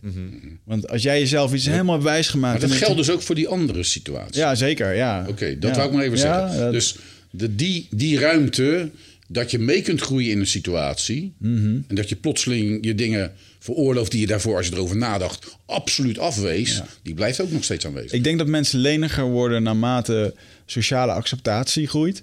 En nu laat je de ander bepalen wat jij denkt. Ehm, nou, Hmm. eh, laten, we voor, laten we voorstellen, wat ik dan bedoel is dat bijvoorbeeld in, eh, eh, in Japan, eh, waar we nu in één keer een stuk vrijer zijn, waar men bijvoorbeeld ook mag scheiden, en waardoor je Hmm. niet meer vermoord wordt of wat dan ook. Dus dat, dat noem ik dan een sociale acceptatiegroei. Hmm. Hetzelfde in Nederland. Daarom denk ik dat het ook een van de redenen is waarom er zoveel scheidingen zijn. In Japan bedoel je? Nee, in Nederland. Oh, ook. Nederland. Ja. Ja, Japan ook trouwens. Snap je? Dus, eh, en en de, me- de mentale lenigheid van de mens, van onszelf. Ja, kijk, wij, wij groeien ook. We lezen ook boeken, we luisteren naar podcasts... en kunnen misschien wel hierdoor in één keer op een ander inzicht komen. Eh, maar dat heeft wel... ehm, ja, dat kan soms als een leven duren, Maar dit ik. is, dit is precies het punt waar wij op dit moment... Kijk, we hebben het nu over seksualiteit. Maar dit is wel het punt waar wij op allerlei andere domeinen van de samenleving zitten. Mhm. Wij komen uit een samenleving, 20e eeuw... die eigenlijk gebaseerd is op alles wat in de 19e eeuw bedacht is. Mhm. Ons onderwijs, onze politiek, het huwelijk hebben we het net over gehad... Mhm. de industriële revolutie, hele, onze economie. Allemaal 19e eeuws. En die principes van die 19e eeuw, die werken niet meer in de 21e eeuw. Dus wij zitten met z'n allen in een immense transitie naar een manier van denken waar we naartoe moeten, een manier van handelen waar we naartoe moeten, Waar dit een onderdeel van is, maar wat veel, veel breder ligt. En dat moeten we, omdat we op de een of andere manier in een situatie terecht zijn gekomen waarin de effecten van ons handelen zo desastreus worden. Dat wij ons af moeten vragen of wij nog wel gaan overleven. Of dit niet de, ze- de zesde uitroeiing wordt die we dan zelf veroorzaakt hebben. Daarom noemen eh, geologen, eh, door Paul Krutse, no Nobelprijswinnaar, eh, ge- gestimuleerd, noemen het huidige geologische tijdperk het Anthropoceen. Zijn we al zover? Ik, ik begreep laatst dat we op het randje zaten. Nee, nee, nee, nee, nee. De Anthropoceen, kijk, de naam wordt gegeven als het bij iedereen doorgedrongen is. Dus het begon al Ja, ja. in 1800. Dat valt namelijk samen met de industriële revolutie. Wat, wat bedoel jij met, die, met de, zesde, de zesde keer? Nou, wat zijn dinosaurussen zijn eh, uitgestorven. Er zijn nog een paar keer grote klappen geweest op aarde. Op de, op de ontwikkeling, in de ontwikkelingsgeschiedenis van de aarde. Waarin alles in één klap, zeg maar, eh, er continenten die gaan schuiven enzovoort. En nu zijn we, volgens mij is dat de zesde uitroeiing. De grote vraag is, gaan wij dit nu aan onszelf voltrekken? Ja. Ja, de- volgens, mij, volgens mij is die volgens sommige biologen al ingezet... omdat er een heleboel uitval is in de biodiversiteit overal. Er vallen bij bosjes eh, soorten weg en zo. En die, Ja, maar die lui misschien- die lopen al een tijdje van... eh, guys, Dat is maar één opvatting over, eh, zeg maar, eh, ecologie. Als mensen over ecologie praten, hebben ze het altijd over de natuur. Maar let wel, de natuur interesseert het geen hol wie jij bent. Nee. Sterker nog, die vreet jou zo op. Lucebert, je kent Lucebert, dichter, schilder. Prachtige eh, eh, dichtregel. En die zegt, de mens is een kruimel op de rok van het universum. Oké. Dus dat is de mens. Wij zijn voor de natuur helemaal geen probleem. Het echte punt van de ecologie is niet de natuur. Het echte punt van de ecologie is menselijk bewustzijn en technologie. Dat is waarom het gebeurd is. Dat is de schaal waarop wij in kunnen grijpen nu om het misschien, nou ten goede te keren zal niet meer lukken. Dat is echt afgelopen. Maar om de schade te beperken. interessant. Je zegt eh, ten goede te keren zal niet meer lukken. We hadden hier een... eh, eh, ik geloof twee weken geleden, een week geleden... hadden we hier Jan Rotmans. Nou, Jan werk ik mee samen. Oké. Ja. ehm, nou, de- hij vertelde hier in ieder geval dat hij op sommige onderdelen nog wel positief gestemd was. Jan eh, is een optimist van huis uit. Oh, maar, maar En Jan is een realist. En eh, toevallig heb ik gisteravond met Jan weer een college aan de onderstudent, ondersklasstudent van de Erasmus Ja. gegeven. Dus dat is natuurlijk zeg maar waar wij eh, in sparren. Hè? Dus, maar Jan snapt ook wel, net zo goed, net zoals Jan was ik, ik zat in 1970 al, zeg maar, met, was ik met milieuproblematiek bezig. Ja. Jan is daar gepromoveerd, werd weggehoond en nu is alles wat hij neergezet heeft, blijkt toch zeg maar uitgewerkt te zijn. Maar het punt is, Jan denkt ook in termen van ecologie is natuur, maar niet helemaal, maar dat is wel zijn, zijn ding. Maar als filosoof ben ik veel meer geneigd om in te zetten op het menselijk zelfbewustzijn en op het collectieve bewustzijn. En de uitdrukking van het menselijk zelfbewustzijn, voor zover dat zichzelf als het ultieme instrument presenteert, dat heet wetenschap. Wetenschap daalt uiteindelijk neer in de samenleving als technologie. Jouw ijskast, jouw auto, dit, deze, deze eh, technologie die hier staat, is allemaal voortgekomen uit het brein van mensen. En die technologie heeft ervoor gezorgd dat wij nu in een spiraal zitten, een neergaande spiraal zitten, waardoor we misschien de hele boel echt gewoon verkwanselen. Als er dus een oplossing is, moeten we niet naar de natuur kijken, maar we moeten kijken naar hoe wij daarmee omgaan. Vandaar dat ik de tip heb gegeven voor deze week: probeer de schaal te vinden waar jij iets kan doen aan klimaatbeheersing. Ja. Ehm, Oké, een paar dingen. Eh, als het gaat over klimaatverandering. We hebben het hier met eh, onder andere Jan gehad over een paar scenario's die zich zouden kunnen voltrekken in het eh, ergste geval. Zijn meest grote, me- zijn meest schrikbarende rampscenario vond ik het smelten van de Zuidpool met een zeemeterstijging van 75 meter. Dat is waar hij net vandaan komt, dat heeft hij zelf gezien. Ja. Ja, dat is, blub, dat is echt blub blub. Dat is, eh, we moeten in Nederland nooit vergeten waarom het Nederland heet, zeg maar. Dat is gewoon niet houdbaar hier. Nee. Ehm, en, en er waren nog, zeg maar, 2100, misschien 1 meter... eh, tussen nu en 2100, 1 meter. En die 2 eh, procent of die 2 graad ehm, verhoging kunnen we misschien met technologie en de reductie van uitstoot ook nog iets aan doen. Al dus Jan. Waar sta jij op dat spectrum?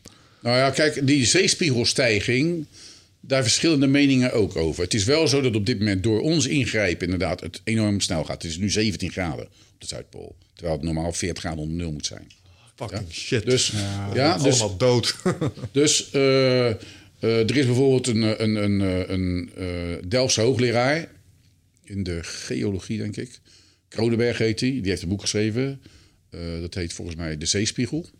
En die betwist dat en zegt van, wij hebben in de geschiedenis van de aarde voortdurend dit meegemaakt. Dus dit is niet alleen menselijk ingrijpen, dit is ook een, een amplitude waar wij doorheen gaan. Let it be. Prima. Het zal zo zijn, maar dat die versterkt wordt door precies dat wat Jan aangegeven wordt, dat zal die ook niet ontkennen. Ja? Eh, climate change is de, de waterspiegel is natuurlijk maar één, één ding daarvan. De andere kant hebben wij door de verstoring van bepaalde processen in de atmosfeer, hebben wij heel andere regenbuien, ik maar even zeggen. Ja? Dat betekent, ik woon in Rotterdam. In Rotterdam hebben wij vier grote problemen. De problemen zijn één, eh, waterspiegel die stijgt. Eh, twee keer per jaar, ik loop op het Noordereiland, loopt gewoon het eiland aan de kaart helemaal onder. Dan gaat het net niet over de stoep heen, want als het over de stoep gaat naar kelder in, is mijn archief weg. Dus dat is direct al hoe ik het merk. Twee, het grondwater stijgt, komt omhoog.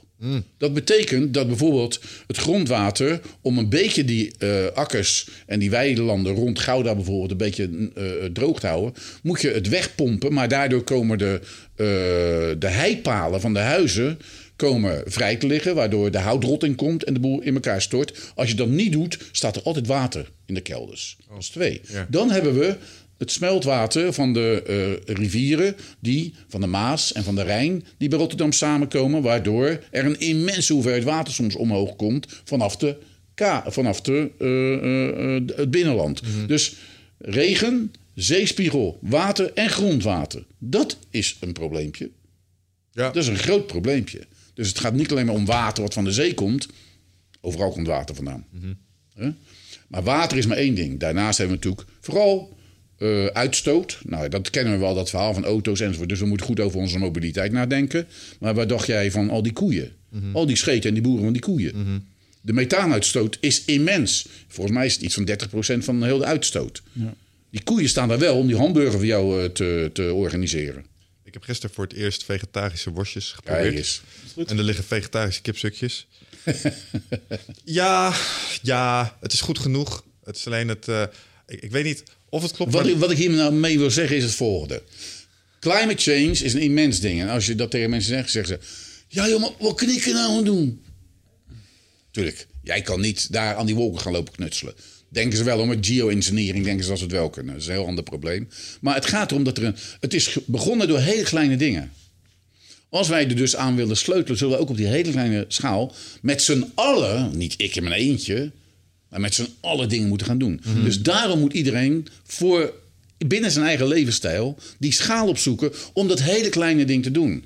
Individuen kunnen de wereld niet redden. Dat is nooit zo geweest. Nee. Maar de massa op dit moment en de communicatie en de verbondenheid door de digitalisering en de globalisering kunnen een momentum creëren waardoor er misschien wel iets opgetild wordt. Ja. Maar dan moeten we wel heel snel gaan handelen met z'n allen. Nou, en dat is het. En dat, eh, je bevestigt nu wel wat Jan laatste keer ook alweer kietelde. En daarvoor werd het al een keer door Marianne Thieme gekieteld. En daar helemaal in het begin al een keer door Guido, die eh, ook al wel aangaf, joh, dat vlees, dat is gewoon een ding. Je kan gewoon je levensstijl beperkt aanpassen. En ik dacht ook van ja, op basis van wat Jan zei, ik kan ook wel twee dagen in de week gewoon That's it. geen vlees eten. En dan heb je een heel groot probleem opgelost. En dan doe ik al iets. En Ja. eh, zo, zo makkelijk kan het zijn. En Ja. eh, ze liggen hier, die producten. Het enige wat ik hoef te doen is ze op te pakken en gewoon een keer te proberen. En hey, frek, ze smaakten prima. Dat is wel interessant, hè? want jij wil toch gewoon instant food.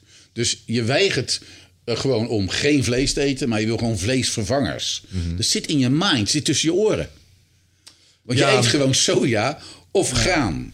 Het moet er ook nog uitzien als vlees. En, Ja. eh, En een beetje Ja. smaak als vlees. Ja, dat is een stuk conditionering. En Maar die dat, Chinezen zijn daar fenomenaal in. Die maken kip en lamsvlees, allemaal van soja, weet je wel. Op Taiwan staan die fabrieken. Mhm. Maar ik was bij een Chinees, een enorme, een goede Chinees in Rotterdam, Sansan. Dat is, eh, eh, die gebruikt eh, al dit soort eh, vleesvervangers. En dat kan je haast niet onderscheiden. Maar op een gegeven moment hadden ze het niet meer. Dus ik zeg tegen de baas, hé, hey, waar is het? Eh, de, eh, eh, hoe heet dat? De Voedsel- en Warenwet erkende niet dat dat voldeed aan de eisen om dat te kunnen invoeren. En daardoor kon hij het niet meer invoeren. Dus ook op dat level moet er wat gedaan worden vanuit de overheid. Bovendien zou je over belastingheffing of juist vrijschalen van belasting op bepaalde producten denken. Dus het is niet alleen het individu wat moet doen en keuzes moet maken. Die overheid moet ook komen met stimulerende maatregelen of remmende maatregelen. Ja, ja, we hebben die vaak over een andere oplossing gehad. Ehm labvlees, ik las toevallig eergisteren een artikel. 2018 verwachten ze nu het eerste echte labvlees. Dat dus niet van koeien wordt afgehaald, maar gewoon echt met een paar cellen in een vat. Ja. Dat weefsel en dat is helemaal schuldvrij vlees. Ja. En voedzaam. Nou, oké, there we go. Even terug naar Japan. Ja. Even terug naar Japan. We gaan naar Okinawa toe. De UNESCO heeft de Blue Zones vastgesteld. De Blue Zones over heel de wereld. Of niet de UNESCO, de, de World Health Organization. De Blue Zones zijn gebieden waar mensen ouder dan 100 jaar worden. Nou, het- uiteindelijk, waar we het ook over hebben, het gaat maar uiteindelijk maar over één ding. Niet onsterfelijk, maar wel zo oud mogelijk worden. Ja? Laten we het daar even over hebben. Of je nou harikiri, over harikiri hebt, of pederastie hebt, of over climate change. Het gaat maar om één ding. Wij willen gewoon ouder dan 120 jaar worden. Ja, mooi of dat kan is de vraag. Maar in ieder geval zijn er gebieden waar mensen heel oud worden. Bijvoorbeeld op Okinawa. Daar worden ze gewoon 110. En dan niet met multiproblemen, waardoor ze opgepept moeten worden. En heel de farmaceutische industrie er bovenop kan gaan zitten. En poen kan verdienen. Maar gewoon omdat ze een bepaald voedselpatroon en een dagelijkse besteding hebben. Dat ikigai, wat tegenwoordig big is. Weet je wel, dat betekent eigenlijk. Letterlijk betekent van. eh, eh, nou, laten we het niet letterlijk, maar het betekent eigenlijk. Waarom kom je eigenlijk je bed uit? Waarvoor kom je eigenlijk je bed uit? Ja, je zinsgeving. Ja? De zingeving. Ja. En, maar dan zie je dat bij deze mensen, wat in Japan natuurlijk nooit voor de Tweede Wereldoorlog was, vlees zit nauwelijks in het, eh, in het dieet. Ja, twee componenten. Zuivel ook nauwelijks in het dieet. Dat zijn de grote dingen. Zuivel en vlees. Daar gaan we gewoon kapot aan. Collectief. Ja. En One het, or the other. en het niet ehm, eat till 90, 80% full. Dat is ook Ja. zo'n Japans ding. Ja, dus niet, Overeating. pens, niet jezelf overvreten, zou ik maar zeggen. Ja, ja, dat je nog net één hapje extra zou kunnen gebruiken voor je gevoel. En dat is ongeveer de juiste mate van, eh, van eten die je naar binnen moet werken. Maar het is niet makkelijk allemaal natuurlijk, want we moeten ons levensstijl veranderen. Dat is niet makkelijk. En let wel, nu wordt het interessant filosofisch. Om nog even maar een slag te maken. Want hiermee wordt het hele concept verslaving komt op een ander level te liggen. Ik kan wel naar een junk verwijzen of naar een alcoholist. Maar let wel, wij zijn echt totaal geconditioneerd in onze verslavingen. Alleen dit zijn productieve verslavingen. Het systeem kan daar poen aan verdienen. Dus er zijn dus onproductieve verslavingen en productieve verslavingen. Nou, dit is nou typisch een voorbeeld van productieve verslaving. Ja.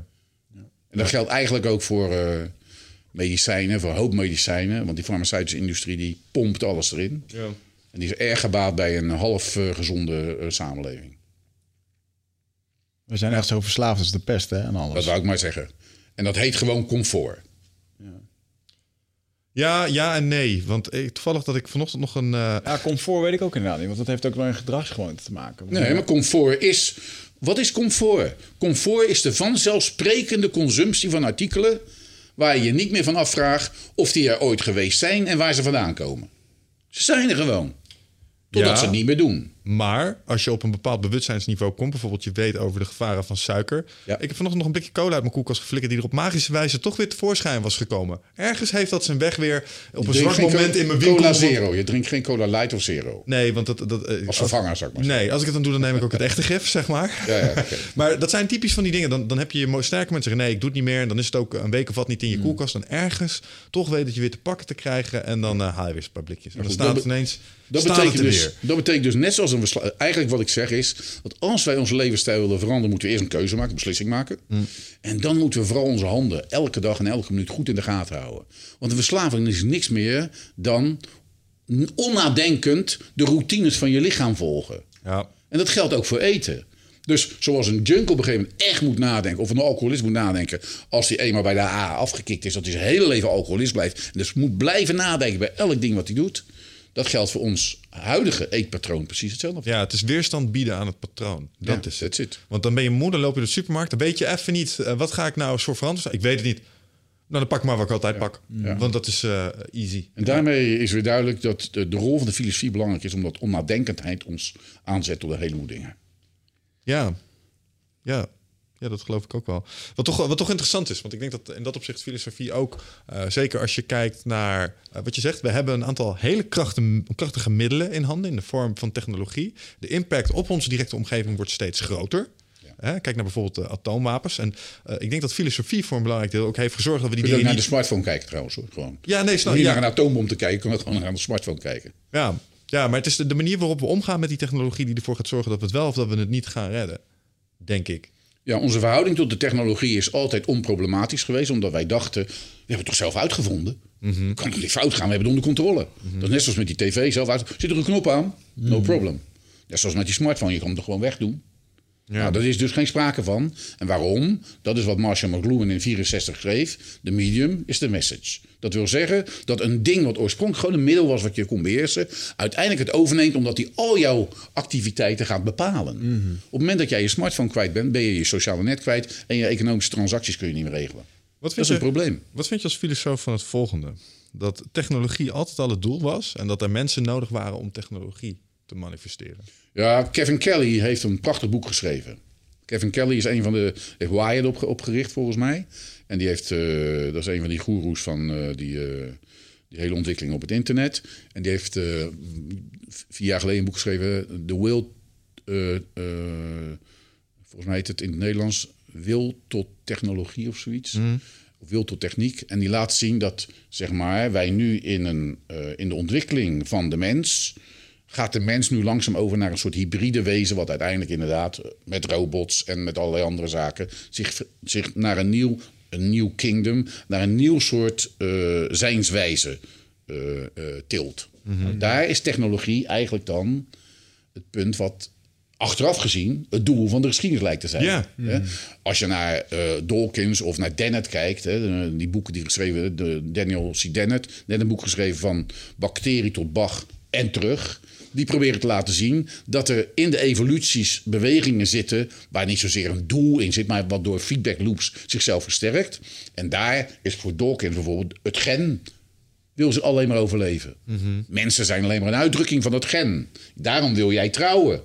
Jij moet die kinderen voortbrengen. Denk je dat jij dat bedacht hebt? Dat zorgen die genen die, die in jou zitten, zorgen er wel voor dat jij dat gaat doen. Ja, even om het heel eh, robuust te stellen. Dus wat nou precies de drijvende kracht van die evolutie is. Misschien is de mens maar een tussenfase.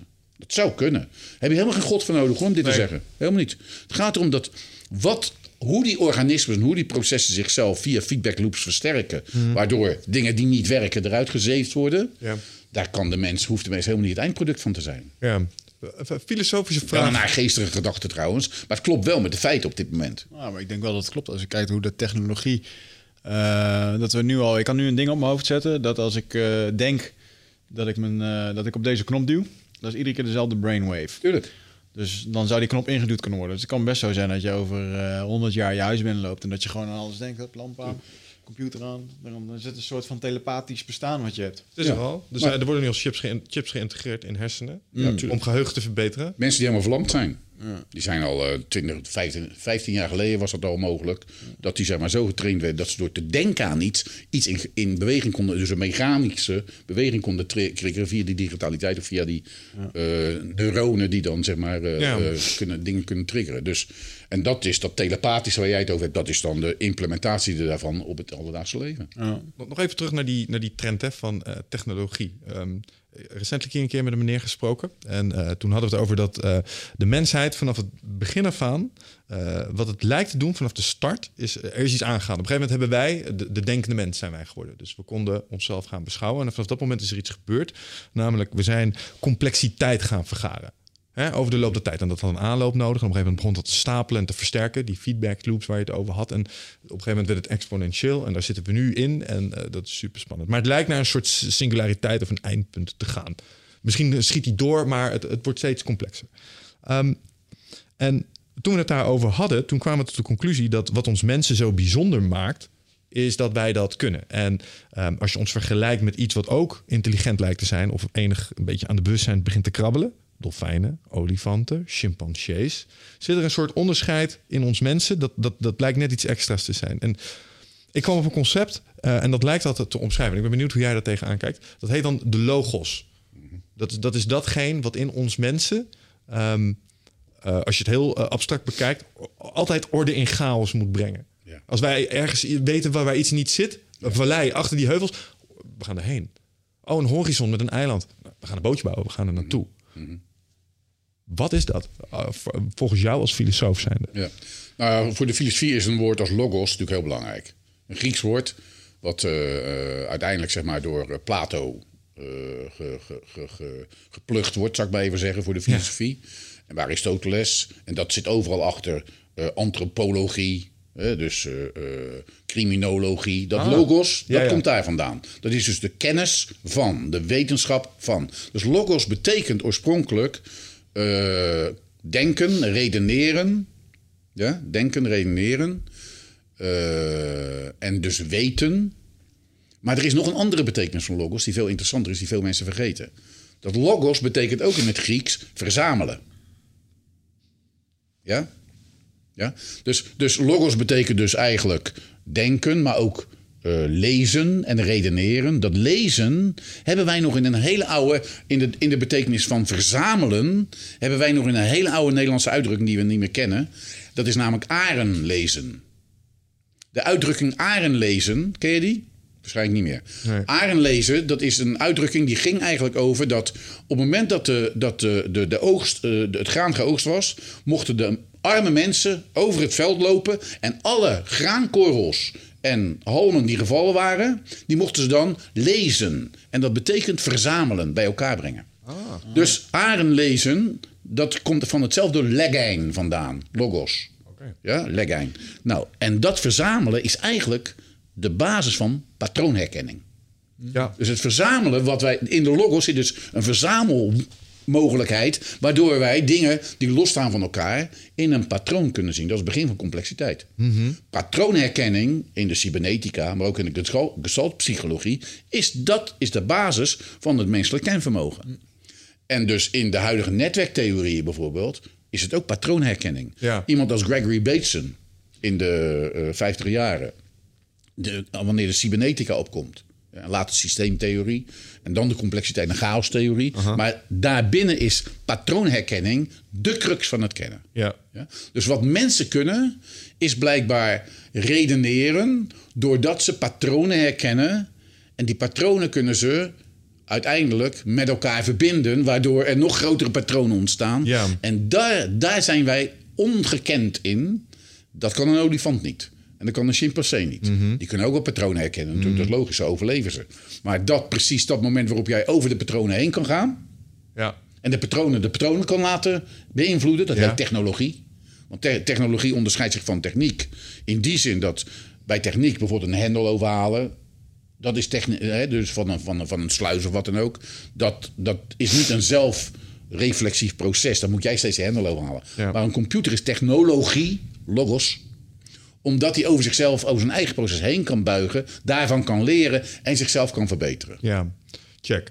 Dat, dat stuk, dat eh, helder verhaal, en dat kan ik eh, zeg maar in het biologisch reductionistische, kan ik dat helemaal plaatsen als een mechanisme wat je kunt gebruiken om eh, nou ja, je genenpakket door te geven. Want hè, dit, dit dient allerlei doelen. Want als je zo'n mechanisme hebt, ga je op zoek naar nieuw terrein, kun je resources vinden, potentieel, eh, even, eh, eh, de complexiteit vergaren.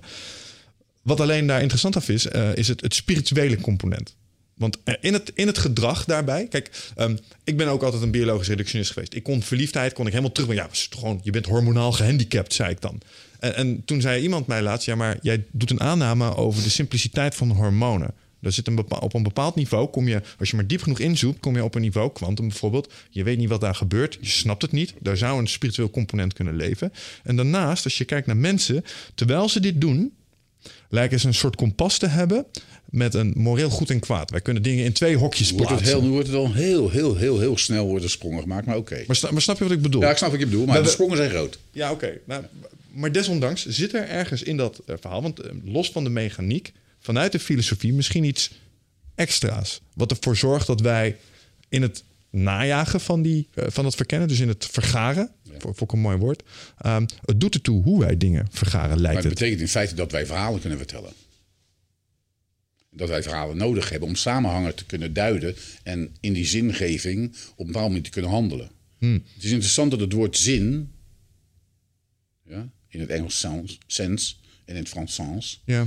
dat is in, wordt geïntroduceerd in de 11e eeuw. En dat heeft twee betekenissen, het woord zin. En dat is heel belangrijk. Eén, betekent het betekenis. Maar het betekent ook richting. Dat betekent als je zingeving hebt, dan heb je een richting om ergens naartoe te gaan. Ja. Op het moment dat iets zinloos wordt, word je panisch. Want je kunt alle kanten op, er is geen richting meer. Nou, die zingeving heeft de mens dus, blijkt, is eigen voor mensen. Want die zingeving heeft de religie mogelijk gemaakt. Ja, ja, ja. ja. Want we gaan even naar de spiritualiteit toe. Hè? Als je het boek van Harari leest, Homo sapiens en Homo Deus. Hè? Eh, Harari, Harari laat dat heel goed zien in het eerste boek. Hè?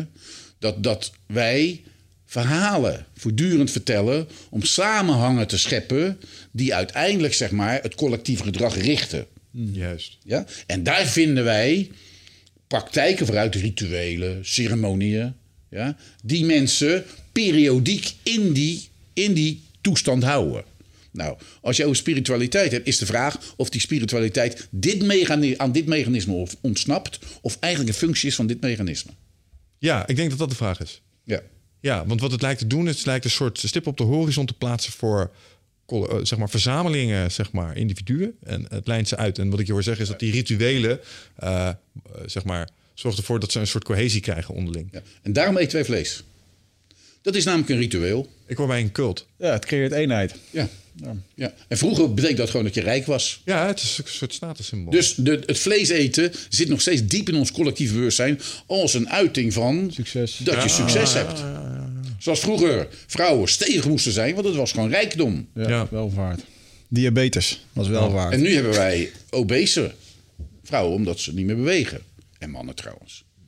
Ja. Overigens, niet dat het niet interessant is. Hoe laat had jij ook alweer, eh, moest je uiterlijk in de auto zitten? Ik moet om half vier moet ik in eh Driebergen zijn. Je had een uur reistijd ongeveer nodig, hè? Iets van 40 minuten. Oké, het is nu bijna half, dus we hebben nog eh, iets van een kwartier dan. Ja, zoiets. Tot kwart voor drie. En dan ren ik weg. Ja, dat is goed. Sprint je naar de, eh, naar de deur. Oké. ehm, helder verhaal. Dat, dat geeft me wel een klein beetje een beeld met, op, op, op die zaak. Denk jij dat er zoiets is als een... ehm, vanuit je eigen filosofie, als je kijkt naar de trend? Zoiets als de singularity, waar we het, eh, waar we het net een klein beetje over ja, hadden? ja, ja, ja, ja. Nou, dat is wat Koers wel probeert te... eh, Ja, nou ja, goed, dat, dat is gewoon een, een, een fundamenteel begrip in de theoretische fysica. Mm. Waar je allerlei... eh, eh, ja, goed, dat, dat is het. Het is een theoretisch begrip in de, in de... Een begrip in de theoretische fysica. De vraag is wat dat nou precies betekent. Kijk, voor filosofen is singulariteit... Dus even als we het even van die... eh, die, eh, die enorme abstractie afhalen. Waarbij tijd implodeert, waarbij allerlei Ja. dingen helemaal met zichzelf het denken en het doen helemaal samenvallen. Waar alles zichzelf helemaal is zoals het is. Dat is filosofisch gezien. Singulariteit betekent eigenlijk dat iets eh, niet meer aan iets anders kan worden afgemeten. Dat is dus wat anders dan particulariteit of algemeenheid. Ja?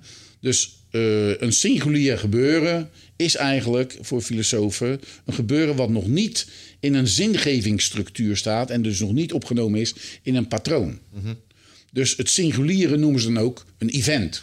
Als ik dat even vertaal naar wat we het hebben. Het is nog geen onderdeel van het verhaal. Ja. Je moet het in gaan brengen. Het moet particulier worden, zodat het aan het algemene kan worden getoetst of het erbij hoort. Ja. Ja? Dus de overgang van singulariteit naar particulariteit, die is interessant. Dat is wat wij voortdurend doen. Maar eigenlijk, even terug weer naar Japan, waar daar ging het over, weet je wel. Als wij naar de Japanse filosofie kijken, vooral de zenistisch geïn- ge- geïnspireerde Japanse filosofie van de Kyoto-school, dan zie je bijvoorbeeld bij in het denken van iemand als Kitaro Nishida of eh, Nishitani of eh, Masao Abe, dan zie je dat zij die zen-boeddhistische eh, noties in dat denken brengen. En voor hun is dan iets, zeg maar, iets wat helemaal met zichzelf samenvalt. Dat is eigenlijk de definitie van het niets. Iets wat helemaal met zichzelf samenvalt, is de definitie van het niets. Ja, dus het niets, wat natuurlijk in, in het oosten de sunyata... en natuurlijk een soort crux is in het boeddhisme... Mhm. dat alles schijn is op een bepaalde manier Ja, ja, ja. en niets is. Ja, dus, maar dat niets wordt bijvoorbeeld heel anders gedefinieerd dan bij ons. Wij zijn bang van het niets Ja. in het Westen. Moeten we niets van hebben, zullen we maar zeggen. Hè? Horror vacui, bang voor de leegte. Ja. Dus de, de, de, de, en wij hebben dat dan ook genoemd in, in, toen God dood verklaard werd in de 19e eeuw, kwam het nihilisme op. Nietzsche. Dat is niks. Dat is, hè, dus de- dat is een negatief ding. Maar in de Japanse filosofie is het niets als het sunyata uit, eh, uit het boeddhisme, is de volstrekte vervulling van iets. Ja. Samurais hadden Mushin. Ja, dus mu- Mushin, de lege geest, Ja. is daar een voorbeeld van. Ja. Dus dat mu of ku hangt een beetje vanaf hoe je het interpreteert. Maar het kan ook ku heten, maar mu. Ja. Dus het mu is het niets. De Mushin, shin is geest, kokoro, geest, de lege geest is waar je naar streeft. Maar de lege geest, dus helemaal wat mensen proberen te doen als ze mediteren om leeg te raken. Nou ja, dan ga je op zoek naar jezelf. Je komt erachter dat er helemaal geen zelf is. Altijd interessant voor Westerlingen. Maar in ieder geval is natuurlijk het zoeken van, het, van dat moment is eigenlijk staat voor Japanners gelijk met de volstrekte samenvallen met alles. Dus dat niets is alles. En dat is een rare gedachte voor ons. Ja? Nou, als je het over singulariteit hebt, zou je dat kunnen vergelijken met singulariteit. Dat momentum. Ja, ik probeer het. Het, het voelt Er nu is alsof. geen onderscheid meer. Nee, eh, alles wat je hebt gedaan en wat je nog zal doen, valt op, op- klopt op dat moment helemaal. En eh, daardoor ben je in een soort eh, pure staat. Je bent in een, in een zijnstaat die volstrekt vervuld is. Let wel, als je daar volle- totaal in verdwijnt, ben je gewoon dood. Ja, kijk, ik blijf dat. Kijk, dit is wat. Maar dat is voor een boeddhist opgaan in een nirvana. Ja, je bestaat even niet meer. Voor dat, voor dat meditatieve moment besta je in de ogen van de westeling even niet meer. Ja, en eh, wat je eigenlijk doet, is je rol als zeg maar radar in het grote geheel op dat moment even 100% vervullen. Ja, zou je kunnen zeggen.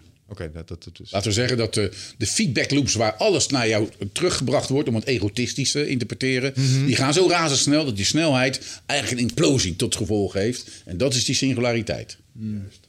Alright, dan heb ik nog één laatste vraag voor je. Ehm, en dan eh, zullen we het moeten gaan afronden. De tijd vloog trouwens, dus dat is altijd wel een goed eh, teken. Ehm, als je het nou hebt over eh, het belang van verhalen... en je kijkt naar de mensheid... en je zou vanuit jouw perspectief... met alle filosofische kennis die je hebt opgedaan... ehm, een verhaal mogen vertellen over waar je denkt... dat de mensheid naartoe gaat. Wat zou je mensen dan vertellen? Nou, laten we vaststellen dat mensen wel op dit moment meer dan ooit behoefte hebben aan verhalen. Dat is een goede constatering. Ja. Dat kunnen wij ook zeg maar, interpreteren, politiek als gemeenschapszin. Ja? Populisme is daar een negatieve uitdrukking van voor mij. Omdat het alleen maar in het afzetten is dat het verhaal gecreëerd wordt. Dus als je zegt van nou wij zijn Nederlanders en je kunt dat alleen maar zeggen omdat zij er niet bij horen, dan is dat niet het verhaal wat ik zoek. Ik zoek een positief verhaal.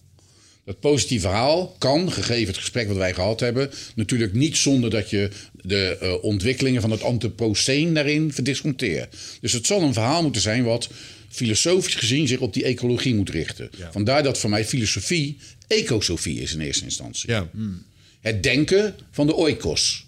De wijsheid, de sophos, van de oikos, van het huis. Ja? Dus ecosofie betekent dat wij, zoals economie de wet van het huis is, ecologie het weten van het huis is, zo is ecosofie de wijsheid van het huis.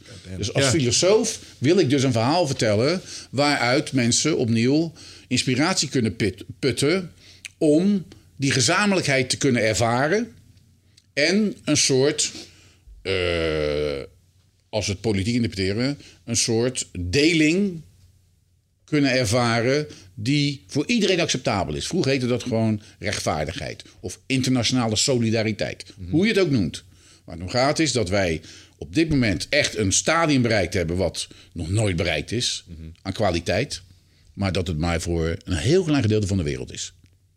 Door de verbindingen digitaal en door de, zeg maar, de, de migraties, globalisering, is het zo dat niemand meer daar onwetend over is. Dus iedereen eist het op. Dat is een immens probleem. Want we hebben nu al per persoon ongeveer in Nederland vier aardbollen nodig om voor te bestaan. Als de Chinezen anderhalf miljard en de Indiërs anderhalf miljard dat ook gaan doen, kunnen we het schudden. Nou, die zijn wel slimmer, die zien, wel dat dat niet moet gebeuren. Dus er moet een verhaal komen waarin ook dat rechtvaardigheidsprincipe verdisconteerd is. Met andere woorden, wij moeten snappen dat wij moeten gaan delen. Niet alleen deelnemen of mededelen, communicatie en participatie, maar wij zullen ook moeten snappen dat bezit niet meer de issue is. Nou, dat bezit, jouw kinderen, dat bezit is echt op, op de helling ge- gezet.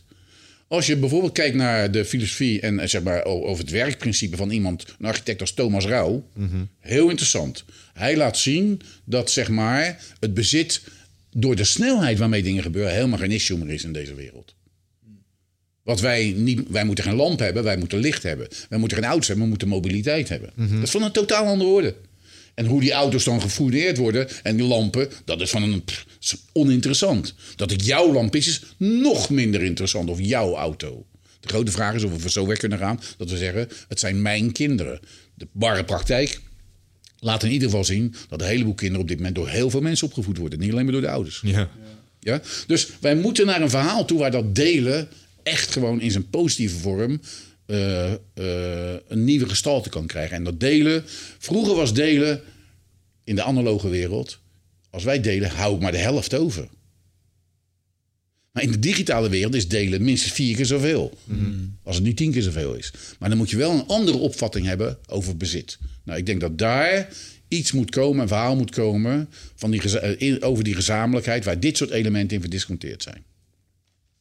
Alright. En dat kan nooit meer een verhaal, een universeel verhaal zijn. Dat is belangrijk. Wat voor iedereen geldt. Dat zal per context, per periode, per cultuur een ander verhaal moeten zijn, wat als een soort netwerk.